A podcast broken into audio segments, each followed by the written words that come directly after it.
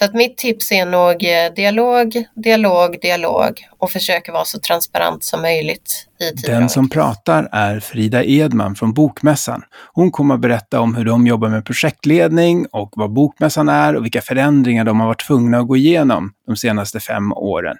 Vi är idag sponsrade av Moveria AB. Så har du behov av checklister när du ska flytta så går du in på moveria.se. De kan även hjälpa till med flyttofferter, städofferter, hitta vilket bredband som funkar i din lägenhet eller ditt hus. Gå in på moveria.se så får du se mer. Jag som har podden heter Mattias Eibe och nu kör vi! Du lyssnar på Projektledarpodden. En podd för dig som gillar att leda projekt och vill lära dig mer av andra om projektledning. Idag har vi Frida Edman med oss som sedan fem år tillbaka är generalsekreterare för Bokmässan i Göteborg. Välkommen! Tack så mycket Mattias! Vad är Bokmässan för de som inte känner till den? Bokmässan i Göteborg är Nordens största kulturevenemang brukar vi säga. Eh, det är ju ett, eh, en enorm happening eh, som äger rum sista dagarna i september, fyra dagar. Och består egentligen av lite olika delar. Ehm, den stora mötesplatsen med över 700-800 utställare. Eh, och här hittar man ju eh, företag och förlag, eh, mediehus, öppna scener med härligt program, debatter, öppna samtal, boksigneringar och så vidare. Men den andra delen är också ett seminarieprogram med över 300 seminarier där vi eh, djupdyker lite mer i aktuella ämnen som utgår ifrån eh, eh, den aktuella litteraturen eh, i Sverige, Norden, Europa, världen idag. Och eh, den tredje delen som, som många faktiskt inte vet om det är också att eh, Bokmässan arrangerar ett eh, rättighetscenter. Så att eh, här sitter ett antal agenter från hela världen som förhandlar om bokrättigheter. Här går svensk litteratur på export kan man säga. Eh, men vi köper också in eh, internationell litteratur under dessa dagar då i det här slutna rummet. Så tre delar, det är ett seminarieprogram, det är en utställning och det är ett rättighetscenter. Och vilken roll har du? Men jag är ansvarig för Bokmässan. Vi är ungefär 15 personer som jobbar med Bokmässan i Göteborg. Så eh, jag är ansvarig och brukar väl ha lite olika titlar kan man väl säga. Men, men eh, bokmässechef eller bokmässegeneral har jag sett någon gång sådär. Mm. Det är 85 000 besökare. Det måste vara rätt mycket att rodda i. Ja, men det, det är ju eh, som sagt ett eh, massivt arrangemang. Eh, det tar lång tid att förbereda sig inför en eh, bokmässa. Den allra vanligaste frågan som jag får är vad gör ni under hela året? Jobbar ni verkligen heltid med bokmässan? och ja, det gör vi. Det är 15 personer ungefär som arbetar heltid med Bokmässan och, och antalet dubbleras några månader innan bokmässan och utöver det så, så har ju vi ett antal konsulter och moderatorer och så vidare så att det är ett eh, stort team som eh, är ganska flexibelt i sin omfattning så att säga. Men eh, det tar ungefär, vad ska man säga, två år ungefär att förbereda sig inför en bokmässa.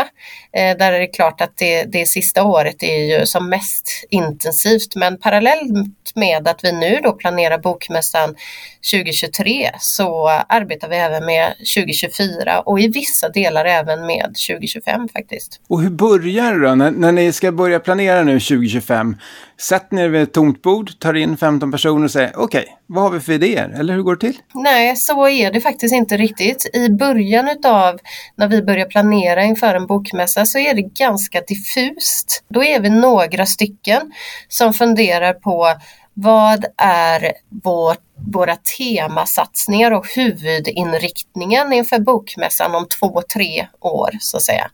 Eh, då sätter vi oss och skissar lite grann på det. Eh, vi gör ganska mycket omvärldsspaningar. Vi följer trender i världen. Vi har kontakt med olika internationella organisationer inom kulturvärlden men också kulturdepartement eller vi tittar på de ekonomiska trenderna, politiska trender och så vidare. Och utifrån det så gör vi någon slags spaning i vad tror vi kommer vara den mest relevanta litteraturen om två, tre år och vad kan vi skapa för innehåll utifrån det. Så att vi, vi, vi spanar lite in i framtiden och utifrån det så ringer vi in en del innehållstankar och tar kontakt med olika aktörer som vi tänker det här är möjliga samarbetspartners inför bokmässan om två, tre år på dessa eh, teman. Så så börjar vi ganska mycket eh, och sedan så börjar vi konkretisera då och vad innebär detta? Vem ska vara ansvarig för vad? Eh, hur ser våra, vår, vår, tidsplan ut i, i det här? Och sen är det ungefär ett och ett halvt år innan bokmässan, men då börjar vi bli riktigt konkreta med projektplaner och underlag för kalkyler och eh, ja, de exakta planeringarna helt enkelt. Och rent praktiskt när ni gör de här spaningarna, sitter ni bara med ett Word-dokument eller har ni några jättesofistikerade system för det? Eller hur, hur dokumenterar ni det här?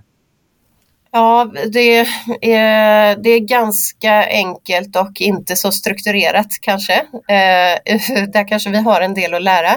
Men vi eh, tar ju del av eh, en mängd olika trendrapporter och vi sammanfattar också eh, inspel då från de här aktörerna som vi har eh, kontakt med i ett dokument som vi delar med varandra. Vi arbetar bara med delade dokument så allt är väldigt transparent, transparent i, i projektteamet eh, teamet. Och sen så eh, åker vi också till andra bokmässor i världen. Jag är med i ett bokmässechefsnätverk och all den här informationen och kunskapen då försöker vi sammanfatta i ett dokument och, och dela med varandra. När ni har gjort den här spaningen och ni har kanske kommit fram till vad ni tror kommer att trenda om två år. Hur fattar ni beslut om det här? För det måste ju vara lite diskussion om det och man kanske har lite olika uppfattningar. Ja, men så är det ju. Vi har, eh, det är så här att den största utmaningen med Bokmässan i och med att det är ett sådant så, så massivt arrangemang, det är att Bokmässan ska vara mycket för många. Eh, så vi kan inte styra in oss på ett specifikt tema område och tro att det ska bära hela bokmässan. Utan vi brukar arbeta med två, tre eh, temaområden som vi tänker ska bära bokmässan i sin helhet. Ett av de temasatsningarna eh, ska vara internationellt. Eh, det kan vara ett land exempelvis. Eh, senaste åren har vi eh, arbetat med Sydkorea, Sydafrika, Brasilien, nordiska länder och så vidare. Ett annat tema eh, ska vara mer riktat mot kanske eh, skola och bibliotek, för det är en rätt stor besöksgrupp hos oss. Så, eh, dessa professionella eh, lärare och bibliotekarier arbetar ju konstant med att främja läsning och eh, lärandeprocesser, vilket vi tycker tror är bärande för vår demokrati. Det andra temat ska vara mer styrt mot ett kompetensutvecklingsperspektiv som attraherar lärare och bibliotekarier som är bärande för just bildningsperspektivet som ju vi tror är avgörande för för vår demokrati. Och det tredje temat kan man säga eh, har kanske lite mer bredare, ett bredare innehåll, kanske lite mer kommersiellt. Det kan vara ett tema som lockar kanske den breda läsande målgruppen i vårt eh, samhälle. Eh, vi ser att eh, feel good och crime till exempel är, är stärker sin utgivning, finns ett stort intresse där. Men det kan också vara eh, rättvisefrågor eller eh, Ehm, det kan vara ljud som vi har som tema nu till 2023. Nya format växer fram, nya berättelser tar plats eh, och så. Så att eh, utifrån de principerna väljer vi inriktning. Men vi kan ju inte göra bokmässan själva, eh, utan vi måste göra det tillsammans med andra, med förlag, med samarbetspartners, med aktörer som, som också vill främja dessa frågor som vi vill sätta ljus på. Så att när vi har hittat en riktning, då går vi också sedan vidare med då och pratar med andra aktörer som vill göra det tillsammans med oss och tillsammans utformar vi då de här bärande delarna av en bokmässa. Så ni samlar de här intressenterna och sen tittar ni även på vad ni skulle vilja göra och sen kollar ni om du har ekonomisk bärighet och sen utifrån det mm. så fattar ni det här beslutet egentligen. Ja, Eller besluten. Ja, mm. Intressant. Och när ni väl har fattat beslutet, då, då är det ungefär ett och ett halvt år kvar, som du börjar med att säga här. Det är då ja. det är liksom dags att sätta igång och göra planer och så vidare. Mm. Hur gör ni då när ni gör planer? Sitter ni och tar en gammal plan och uppdaterar den eller börjar ni från ett blankt papper eller hur går det till? Ja, Bokmässan har ju arrangerats i eh, över 35 år så att vi, vi kan ju grundläggande vårt årshjul så att säga. Eh, så att vi har våra milstolpar och eh, vi har en del, ja men vi har en struktur, exempelvis så i Eh, Eh, under hösten så är det rätt mycket möten med förlag och samarbetspartners för att konkretisera vad man gör på plats. Och i februari så har vi deadline för att lämna in seminarieförslag och så vidare. Så vi har några sådana milstolpar. Men sen är det ju så att varje, vi brukar säga det att varje bokmässa ska vara den bästa bokmässan. Så att vi ska hela tiden göra en unik bokmässa. Eh, och där utifrån så, så eh, blir ju varje års bokmässas årshjul eh, unikt kan man väl säga. Är det du som är projektledare för varje bokmässa skulle man kunna säga? Eller har, utser ni någon som är bärande av varje bokmässa? Men vi har en eh, nyckelperson i teamet eh, som heter Annette som är bokmässans projektledare som verkligen är den operativa projektledaren. Eh, men alla anställda är projektledare utifrån sitt uppdrag och utifrån sina ansvarsområden. Jag är lite mer projektledare för de internationella och politiska relationerna, tar ett ganska stort ansvar i, i ja, inledningsvis i våra större samarbetsavtal, har mycket dialog med internationella aktörer, eh, arbetar en del med, med att lobba kring, kring läsfrämjande frågor, eh, litteraturpolitiska frågor.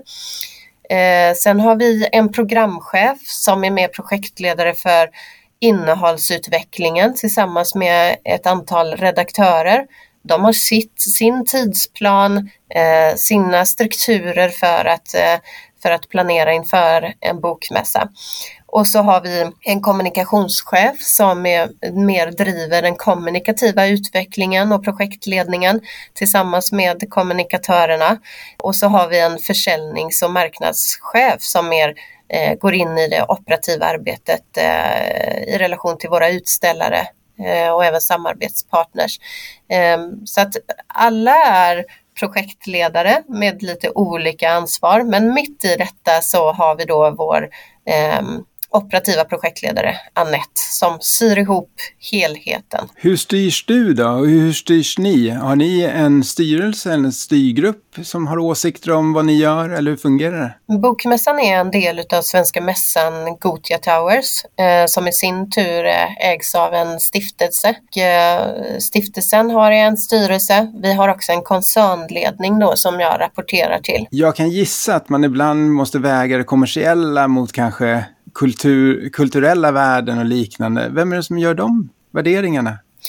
Bokmässan har ett eh, starkt förtroende internt och eh, vi, eh, vi, varje år så måste vi balansera vad en bokmässa ska vara. Vi ska vara mycket för många så att säga.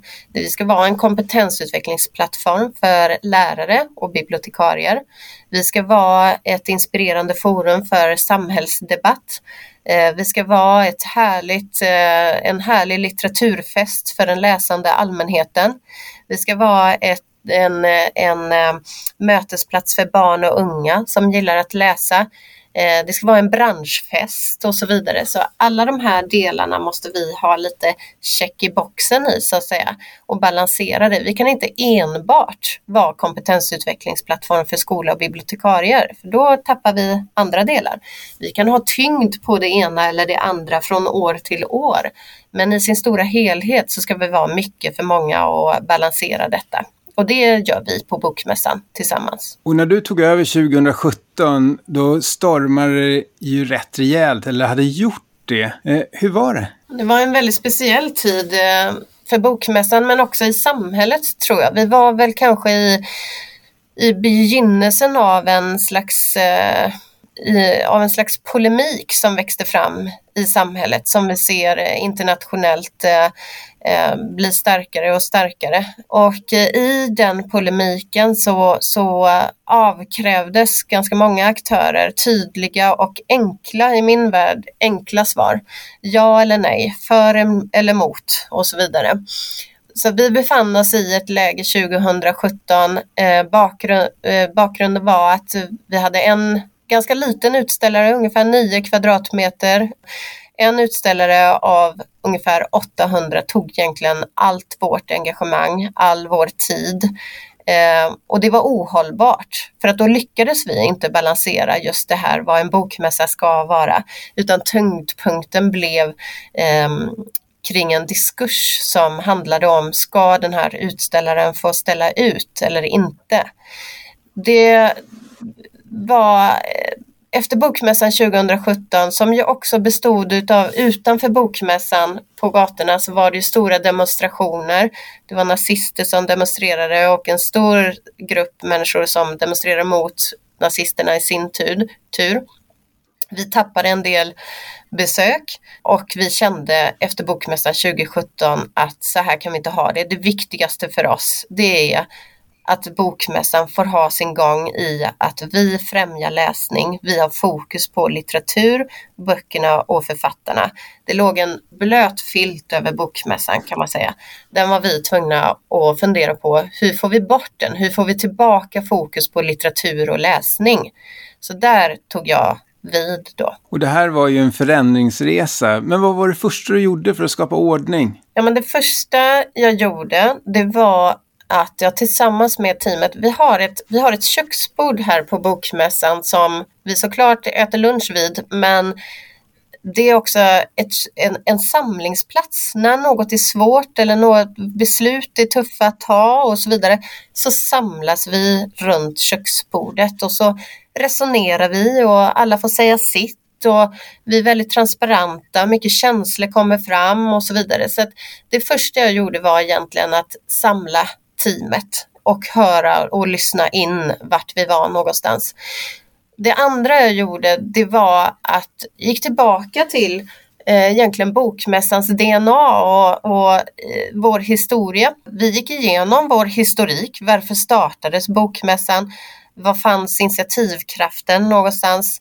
Vad, vad hade man för åtagande då? Vad var avsiktsförklaringen?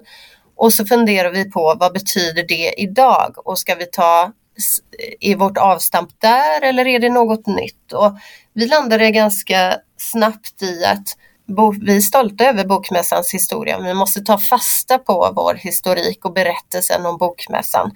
Så att vi, vi bearbetade kan man väl säga vad är bokmässan och vad är viktigast för oss och hur säkrar vi det inför framtiden? Och hur nådde ni ut med det här sen? Om ni var överens internt, hur nådde ni sen ut med det? Vi, vi kom överens internt om vad, vad som krävdes och då landade ju vi i att eh, eh vi, vi vi kan inte ha det som vi har det. Vi kan inte låta all vår energi gå till en enda utställare. Så att vi eh, stod inför att utesluta den här utställaren från bokmässan. När vi hade fattat det beslutet så pratade vi med våra närmsta samarbetspartners, med förlagen och så vidare. Vi kan inte fatta beslut utan att förankra med våra närmaste samarbetspartners. För återigen, vi gör det här tillsammans. Så att vi pratade en hel del med våra förlag och fick eh, förtroende i frågan och eh, sedan rullade vi ut beslutet även eh, medialt då till våra, våra besökare och eh, övriga utställare eh, senare på, på, ja det här var hösten 2017. Och sen fungerade allting jättebra 2018, det bara rullade på? Men 2018 var vad vi kallar det för ett um, återkomstår skulle man väl kunna säga. Där vi valde att sätta ljus på glädjen och litteraturen och författarna och så vidare. Eh, bokmässan, eh, det var ett härligt år. Känslan var tillbaka. Vi brukar säga att när, när Bokmässan startades 85, då sa Bertil Falk som startade Bokmässan tillsammans med Conny Jakobsson att de ville skapa ilningar i själen. Bokmässan skulle vara en mötesplats där man fick perspektiv, där eh, ens föreställningar om världen utmanades och eh, där man satte ihop unika möten, skapade möten som kanske aldrig annars äger rum för att få till det här. Och ehm, det blev ju extremt viktigt eh, för oss också då inför 2018, så det hade vi verkligen fokus på och nåddes av när vi stängde dörrarna 2018 så, så var det oerhört berörande i att vi nåddes av känslan att bokmässan är tillbaka. Äntligen har vi tillbaka känslan för bokmässan. Men med det sagt så ska ju även kontroversiella frågor också få ta plats på bokmässan. Det var fortsatt även viktigt för oss. Vi hade jämställdhet som tema till exempel. Det var ganska intensiv dialog och disku diskussioner kring det ämnet också. 2019 sen blev ju eh, ytterligare ett, eh, en nivå i det hela för då hade vi också tillbaka eh, jag menar affären och, och liksom alla utställare var på plats. Så det, det såg helt fantastiskt ut även sen fortsatt inför 2020. Men sen vet ju alla vad som hände då. Ja, men hur hanterade ni corona? För jag antar att eh, ni fick press på er att ni skulle stänga ner och så. Ja, så var det ju. Den här krisen som var 2017, den, den eh, innebar ju också att eh, det var ett ganska ja, men det var ett team 2017 som inte var fulltaligt. Eh, så att inför 2018 och 2019 så, så rekryterade vi också en hel del så att vi återigen skulle bli 15 personer som roddade bokmässan. Eh, och vi hade precis lagt den sista pusselbiten eh, våren eller tidig vår när pandemin eh, var ett eh, faktum och att vi insåg att det här kommer ju även påverka bokmässan som arrangemang. Så vi slussades lite grann tillbaka till att gå in i ett krisläge kan man väl säga. Eh, och det första vi gjorde då, återigen, var att samla teamet vid köksbordet. Och där vi pratade om vad innebär detta, vad är viktigast för oss, eh, ska vi ställa in eller inte? Och i och med att vi bottnade så starkt då i vår vision och vad vi, vårt åtagande, eh, vad bokmässan ska vara, så eh, krävdes det inte så lång tid utan det gick väldigt snabbt till att vi landade i att det viktigaste för oss det är att bokmässan är en motor för litteraturen, för att främja läsning. Vi ska inte ställa in, vi ska ställa om. Eh, men för att ställa om så, och hitta nya vi visste ju inte riktigt vad, vad det innebar. Och för att landa i konkret vad det innebar och vad vi skulle göra inför Bokmässan 2020 så behövde vi vår tid. Vi behövde vår tid i att brainstorma fram eh, internt men också i samarbete med förlag och andra samarbetspartners. Vad skulle det här kunna innebära? Eh, och vi behövde också tid förstås att förankra det här med koncernledning och med eh, styrelsen. Eh, för att det här skulle ju innebära investeringar i digitala plattformar och så vidare. Men under den perioden så nåddes vi av ganska starka krav på att ställa in. Det var ju en otroligt orolig tid. Ingen visste riktigt hur det skulle påverka ens affär eller samhället eller omgivningen i nära och kära. Så det fanns ju en extrem oro och den här osäkerheten Eh, ledde nog till att eh, väldigt många eh, företag i Sverige pausade egentligen eller bromsade, drog i handbromsen. Och det här hände ju även eh, inom förlagsbranschen. Man visste inte hur det här skulle påverka eh, bokförsäljningen när eh, människor eh, inte går ut och handlar, när man inte går på stan och så vidare. Man såg eh, att eh, det kan innebära att vi inte ska investera i st större arrangemang eller satsningar här framåt. Även om samhället skulle öppna upp så behöver vi åta försiktighetsprincipen så att säga. Så att vi nåddes av ganska stora påtryckningar på att ställa in. Men vad vi gjorde då, återigen, var ju dialogen central i detta. Eh, vi satte ihop ett eh, material där vi visade förlagen det här vill vi göra och det var ju skissen på Bokmässan Play eh, plattformen som vi tog fram under pandemin. Och hur gick det med personalen då? Kunde ni behålla all personal eller var ni tvungna att säga upp? Ja, men, men I eh, början av pandemin så kan man säga att eh, vi i stort sett fick näringsförbud som arrangemang, som mötesplats. Um, och det innebär ju i sin tur att vi var ju tvungna, tyvärr, uh, att gå in i varselprocesser och permittera. Um, så att samtidigt som vi sa till teamet att nu ska vi göra någonting som vi aldrig tidigare har gjort. Vi ska utveckla, på sex månaders tid ska vi utveckla en helt ny digital plattform och vi ska nå ut med samtal om litteratur och läsning och vara ett fönster för författarna när alla andra dörrar och fönster stängs så ska Bokmässan ta det ansvaret. Samtidigt som, samtidigt som vi sa det så satt vi också i samtal med där vi olyckligtvis och, och sorgligt nog behövde eh, varsla våra medarbetare, en del utav våra medarbetare eller permittera. Så det var en, en, en, en, enorm kontrast som var svår att förhålla sig till, både som medarbetare och som ansvarig. Och hur kände du då med att både gasa och bromsa samtidigt och stå där mitt i alltihopa? Men det är tufft. Eh, som ledare är det tufft. Eh, men tydligheten blir viktig. Det här förväntas av oss som bokmässa, men det blir också extremt viktigt att vara närvarande, inlyssnande och stöttande i det hela. I en sådan tid, i en tid av kris, så är det nog viktigt eh, att utgå från individen snarare än gruppen. Att anpassa arbetsuppgifter och uppdrag utifrån eh, eh individen än mer än vad man kanske normalt sett gör. För att det är inte alla som har förutsättningar eh, att driva på eh, på det sättet som, som eh, vi var i behov av egentligen. När människor runt omkring en, när familj blir sjuka, när man arbetar på distans, när man eh, sitter hemma i lägenheten eller i sitt hus och är, ensam kanske och så vidare. Men förutsättningarna ser helt olika ut. Och vad gjorde du för att orka? Körde på.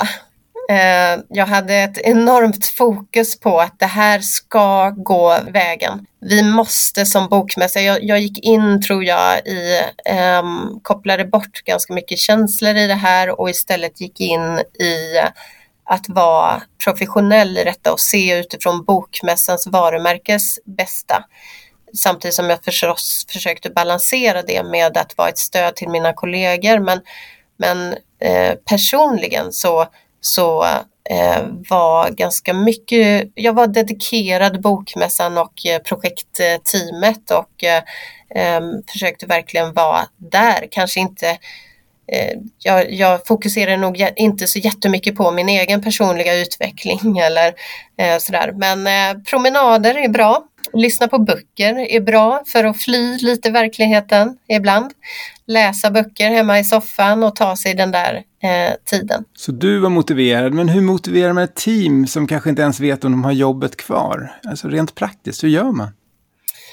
Men alla som jobbar med Bokmässan har eh, ett enormt engagemang för litteratur och läsning. Alltså vi har, eh, eh, vi har en drivkraft eh, som trots stora utmaningar, vi tränade i utmaningar som bokmässa.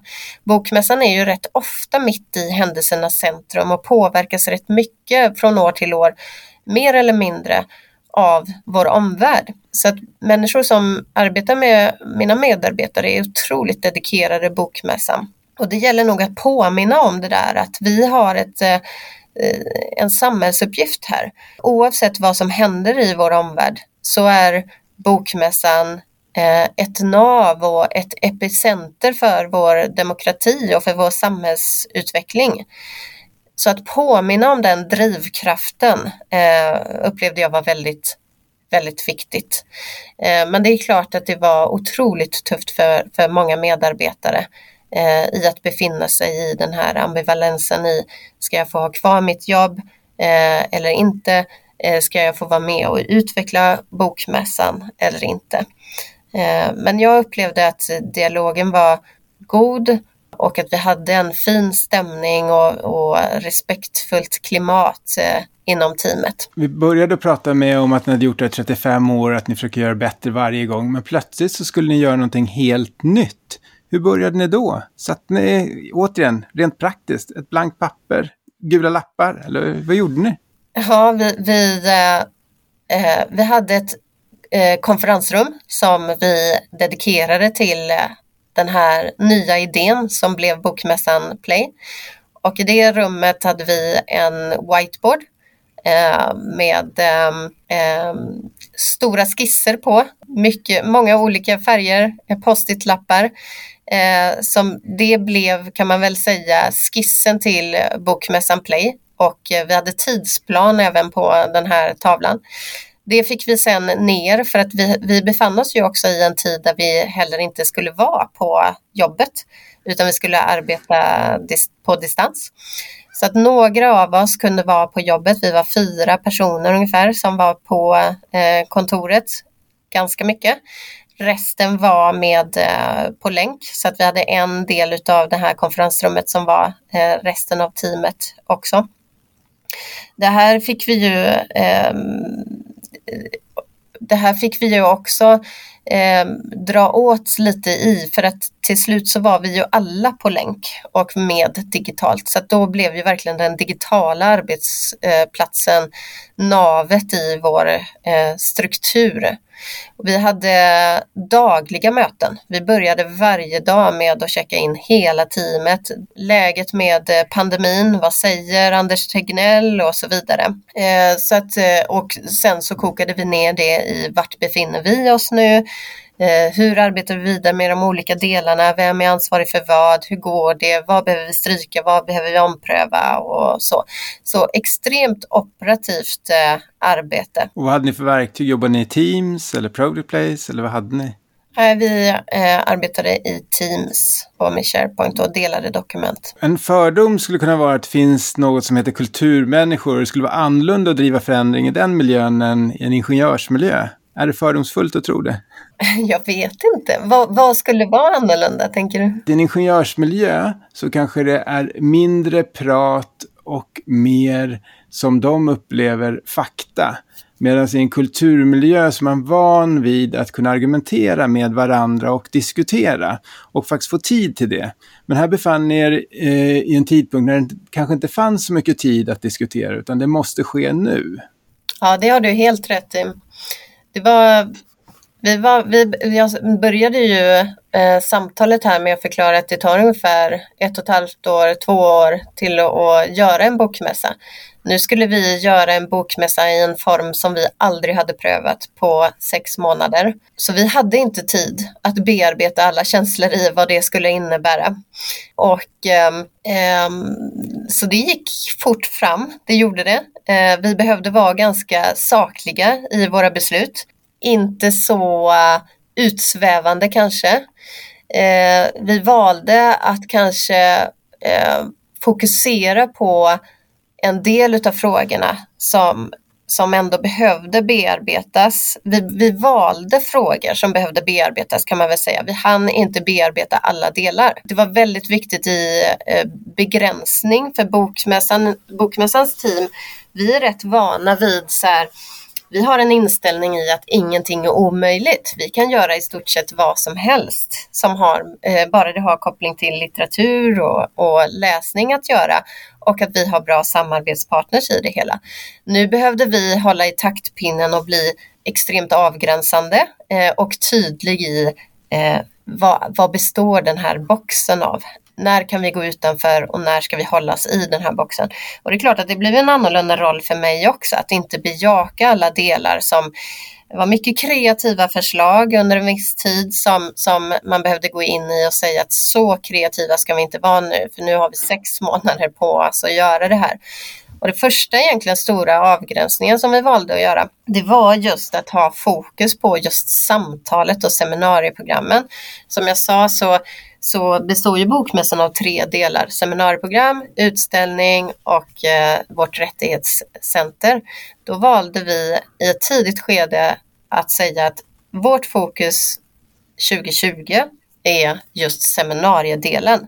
Det fanns idéer, tankar, kreativa eh, funderingar kring, skulle vi inte kunna göra en digital utställning så att man digitalt skulle kunna navigera och eh, eh, orientera sig i en digital utställning.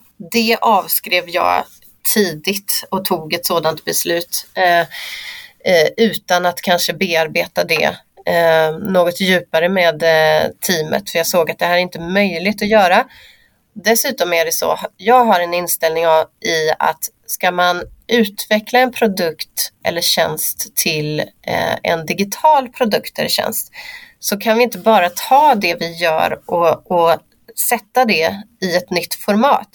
Utan ska det vara värt sin investering så måste vi accelerera produkten och tjänsten. Alltså tack vare digitaliseringen så, så kan det bli en add-on eller eh, eh en produkt och tjänst som växlar upp sitt utbud eller eh, innehåll.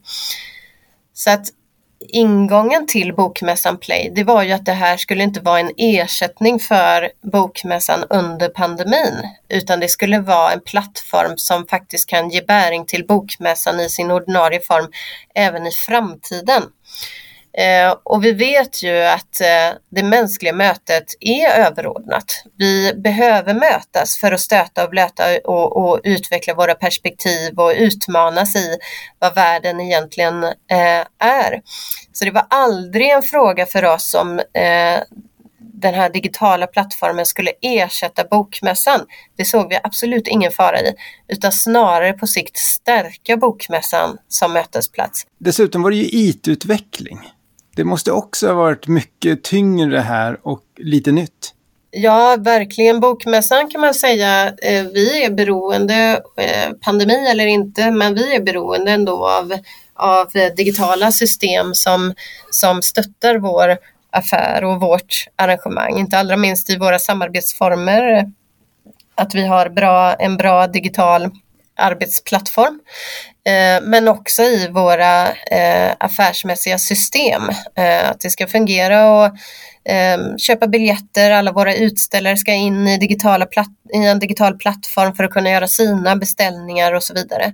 Så att vi, vi var väl vana eh, i att orientera oss i de digitala system som, som vi hade på plats. Men vi var ju inte vana vid att driva digital utveckling. Eh, så att här fick vi ju en helt ny roll. Jag har tidigare arbetat inom IT-branschen så att jag hade viss erfarenhet i att projektleda i sådana processer. Kanske inte ren eh, it-systemutveckling. Ehm, jag är inte bra på att knacka kod direkt. Eh, men att driva utvecklingsprocesser, digitala utvecklingsprocesser som främjar våra arbetssätt eller främjar våra, eh, vår affär. Eh, det hade jag vana från. Och vi var också ett, ytterligare ett par till som hade arbetat med en del som har med, med den delen att göra. Men det var ju helt klart en helt ny roll och eh, eh hade vi haft kompetensen till 100 procent så hade vi nog inte gjort det vi faktiskt gjorde. Då hade vi nog efter ett par timmar i vårt första inledande möte sagt att det här är inte möjligt att göra på sex månader. Och ändå hade du ändå satt upp några begränsningar men ni hade ändå ett för stort skop egentligen. Ja, det var det. Vi visste inte riktigt vad vi gav oss in på, men vi jobbade intensivt. Vi hade stort engagemang eh, i, inom teamet, men också väldigt fina samarbeten som, som gjorde att vi till, i slutändan kunde lansera bokmässan Play och tillhandahålla samtal, litterära samtal genom plattformen. Hur tror du din bakgrund som lärare påverkar ditt ledarskap och ditt arbetssätt? Men jag tror att eh, eh den pedagogiska kompetensen är en styrka. att varje år utveckla bokmässan är i stort sett en enda stor läroprocess. Eh, där vi lär av varandra och där vi prövar en hel del, testar nya idéer. Så jag tror att eh, min pedagogiska erfarenhet och kompetens kommer nog väl till användning utan att jag egentligen konstant reflekterar kring det. Har du några tips och tricks gällande ledarskap och förändring i kris som du faktiskt har varit med om rätt mycket här? Information är A och O. Att eh, möta teamet, stanna upp, eh, lyssna in och eh, berätta allt man kan berätta. Och i de delar som man inte kan berätta saker och ting när det till exempel har med varselprocesser att göra så måste man säga det.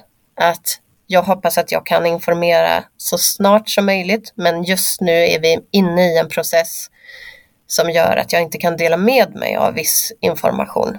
Att försöka vara så transparent som det bara går, det är väldigt viktigt. Eh, och att stanna upp med både individer och med gruppen i sin helhet. Jag, jag ringde väldigt mycket under pandemin, ringde mina medarbetare, ringde mm, våra samarbetspartners för att bara checka in och kolla vad är läget och, och hur mår vi och och vad är status framåt och sådär. Ehm, så att dialogen och samtalet är extremt viktigt. Under pandemin blir det också så påtagligt att jag läste någon gång en rapport som sa att det bästa man kan göra som ledare det är att investera i en bra kaffemaskin. För att där vid kaffemaskinen, där sker det så otroligt många samtal som är, som är av bäring i vårt dagliga arbete utan att vi eh, reflekterar kring det. Men det händer mycket där. Vi utbyter tankar, vi briefar lite hur vi har det. Eh, vi, vi sträcker ut en hand till någon som behöver hjälp och så vidare.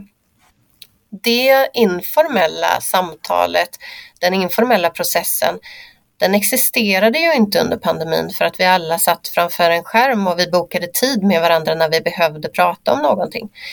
Ehm, så det, det var väldigt viktigt. Vi hade digitala fikor, vi hade digitala promenader och sådär.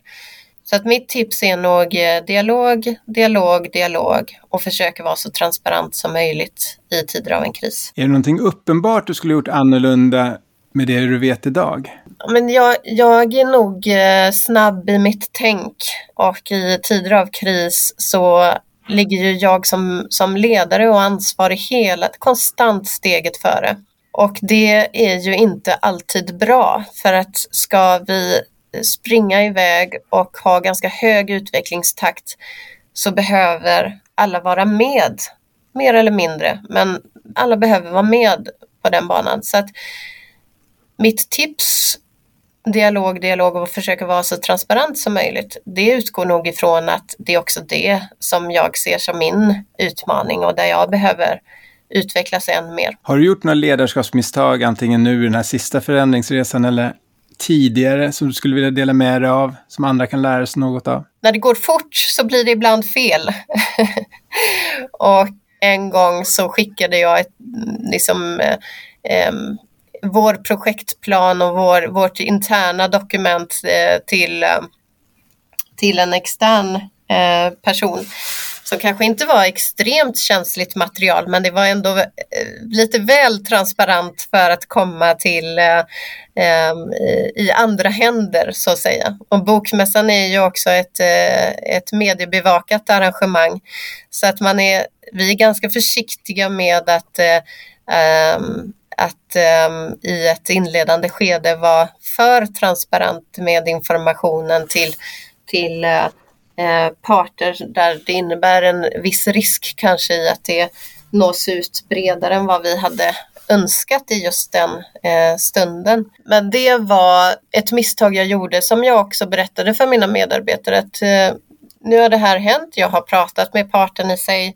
ehm, det finns ett förtroende här men det finns också en risk i att det här skulle kunna bli, dessa delar skulle kunna bli mediala. Ja, men det är väl ett exempel. Sen tror jag nog att jag har gjort eh, en del misstag i eh, ehm, just det här i att just var, gå för fort fram då, där man inte kanske har förankrat alla beslut eller tankar och, och en del av de besluten, tankar eller något av det har säkert varit fel. Eh, så att eh, några sådana delar om, eh, har jag ju fått backa på också. Stort tack för att du delar med dig. Jag tror att alla har stor igenkänning av de misstag du nämnde här. Eh, har du några tips på någon bra bok eller böcker? Det behöver ju inte vara inom projektledning. Jag har precis läst, eh, Ida Östensson har skrivit en bok eh, som handlar om Ja, men det handlar kanske om projektledning, men mer eh, i privata sammanhang. Ehm, alltså hur ser ansvarsfördelningen, det här osynliga jobbet hemma, vad består det egentligen av? Ehm, och eh, det är ju så att många kvinnor framförallt upplever att man är projektledare både på jobbet och eh, på hemmaplan. Det var en bok som eh, för mig så, så ja, men det var en tankeväckande bok för att det synliggjorde även för mig delar som jag kanske gör på hemmaplan som eh, ett arbete som är hyfsat osynligt. Och den här boken eh, tog också min man del av och vi arbetade också med handlingsmaterialet som faktiskt också finns till den här boken där man går igenom också uppgifter eh, som utförs på hemmaplan. Och det var ju faktiskt så att det också synliggjorde för mig vad faktiskt min man gör eh, där hemma som jag inte ser. Eh, så det, det, var en, det, det, är en bok jag läst det sista som liksom har varit extremt tankeväckande eh, för mig. En annan bok som jag tycker också är väldigt intressant är eh, Sheryl, Sheryl Sandbergs bok eh, Lean In. Den har några år på nacken men den är fortfarande aktuell och jag bläddrar i den till och från. Det handlar rätt mycket om att vi kvinnor i arbetet måste luta oss inåt. Alltså inte luta oss tillbaka och eh, se på när saker och ting händer utan att vi kanske kan bli bättre på eh, att ta initiativ och eh, vässa våra armbågar ibland och inte inta försiktighetsprincipen. Eh, men annars rent litterärt så läser jag ganska mycket barnböcker nu. Ehm, och eh, på jobbet har jag faktiskt också en bok eh, som jag läser lite till och från för att förskingra eh, tankarna lite. Den heter Bluffen av eh, Unni Drogge. Också en ganska gammal bok men, men som jag liksom läser för att bara komma in med lite andra tankar och funderingar. Vad intressant. Och Ida Östenssons, den hette Allt vi inte ser eller någonting sånt? Ja, men precis. Allt vi inte ser. Och när ska man besöka Bokmässan då? Ja, men Bokmässan 2023 äger rum 28 september till 1 oktober. Eh, på helgen så eh, äger det rum med fantastiska samtal, eh, författarsigneringar. Eh, vi har olika områden på utställningen inom mässområdet eh, så man kan verkligen förkovra sig och gå in i de delar som man är särskilt intresserad av som feel good eller crime-litteratur. Vi har ett helt nytt barn och ungdomsområde som kommer vara helt fantastiskt med en ny familjeentré och barnen kommer känna sig särskilt välkomna till Bokmässan 2023 tror jag. Det finns en psykologiscen, vi har en mängd olika utställare, alla mediehus har varsin scen där debatt eh, pågår och så. Eh, är man lite mer intresserad av eh, skola och biblioteksfrågor och läsfrämjande insatser så är man välkommen kanske mer på torsdag, fredag där, 28-29 september. Eh, då har vi ett eh, särskilt skolspår för skola, eh, biblioteksspår för bibliotekarier. Men vi har även lite bredare inslag på torsdagen och fredagen. Är man intresserad av poesi så ska man verkligen gå in i Rum för poesi som är en egen os, o, oas nästan på, på bokmässan. Så att det finns, det finns mycket för många på Bokmässan. Låter jättebra. Och om man vill komma i kontakt med dig, hur gör man bäst det? Ja, de, de flesta kanalerna fungerar. Man kan gå in på bokmässan.se så hittar man mina mejluppgifter och telefonnummer och så. Men jag finns ju även i sociala medier och LinkedIn bland annat. Jättebra. Stort tack för att du kunde ta dig tid att vara med i projektledarpodden idag, Frida. Och eh, jag ser fram emot 2025, för projektledningsspåret är väl lite för tidigt att lägga in, eller lite för sent att lägga in 2024. Utan det blir väl 2025 ni får ha det som tema, hoppas jag. Stort tack för att du kunde ta dig tid att vara med. Tack snälla. Tack för att du har lyssnat på Projektledarpodden. Hör gärna av dig till oss med idéer, tips och förbättringsförslag. Det gör du enklast via mejl på lyssnare snabel projektledarpodden.se eller vid det sociala nätverk du föredrar.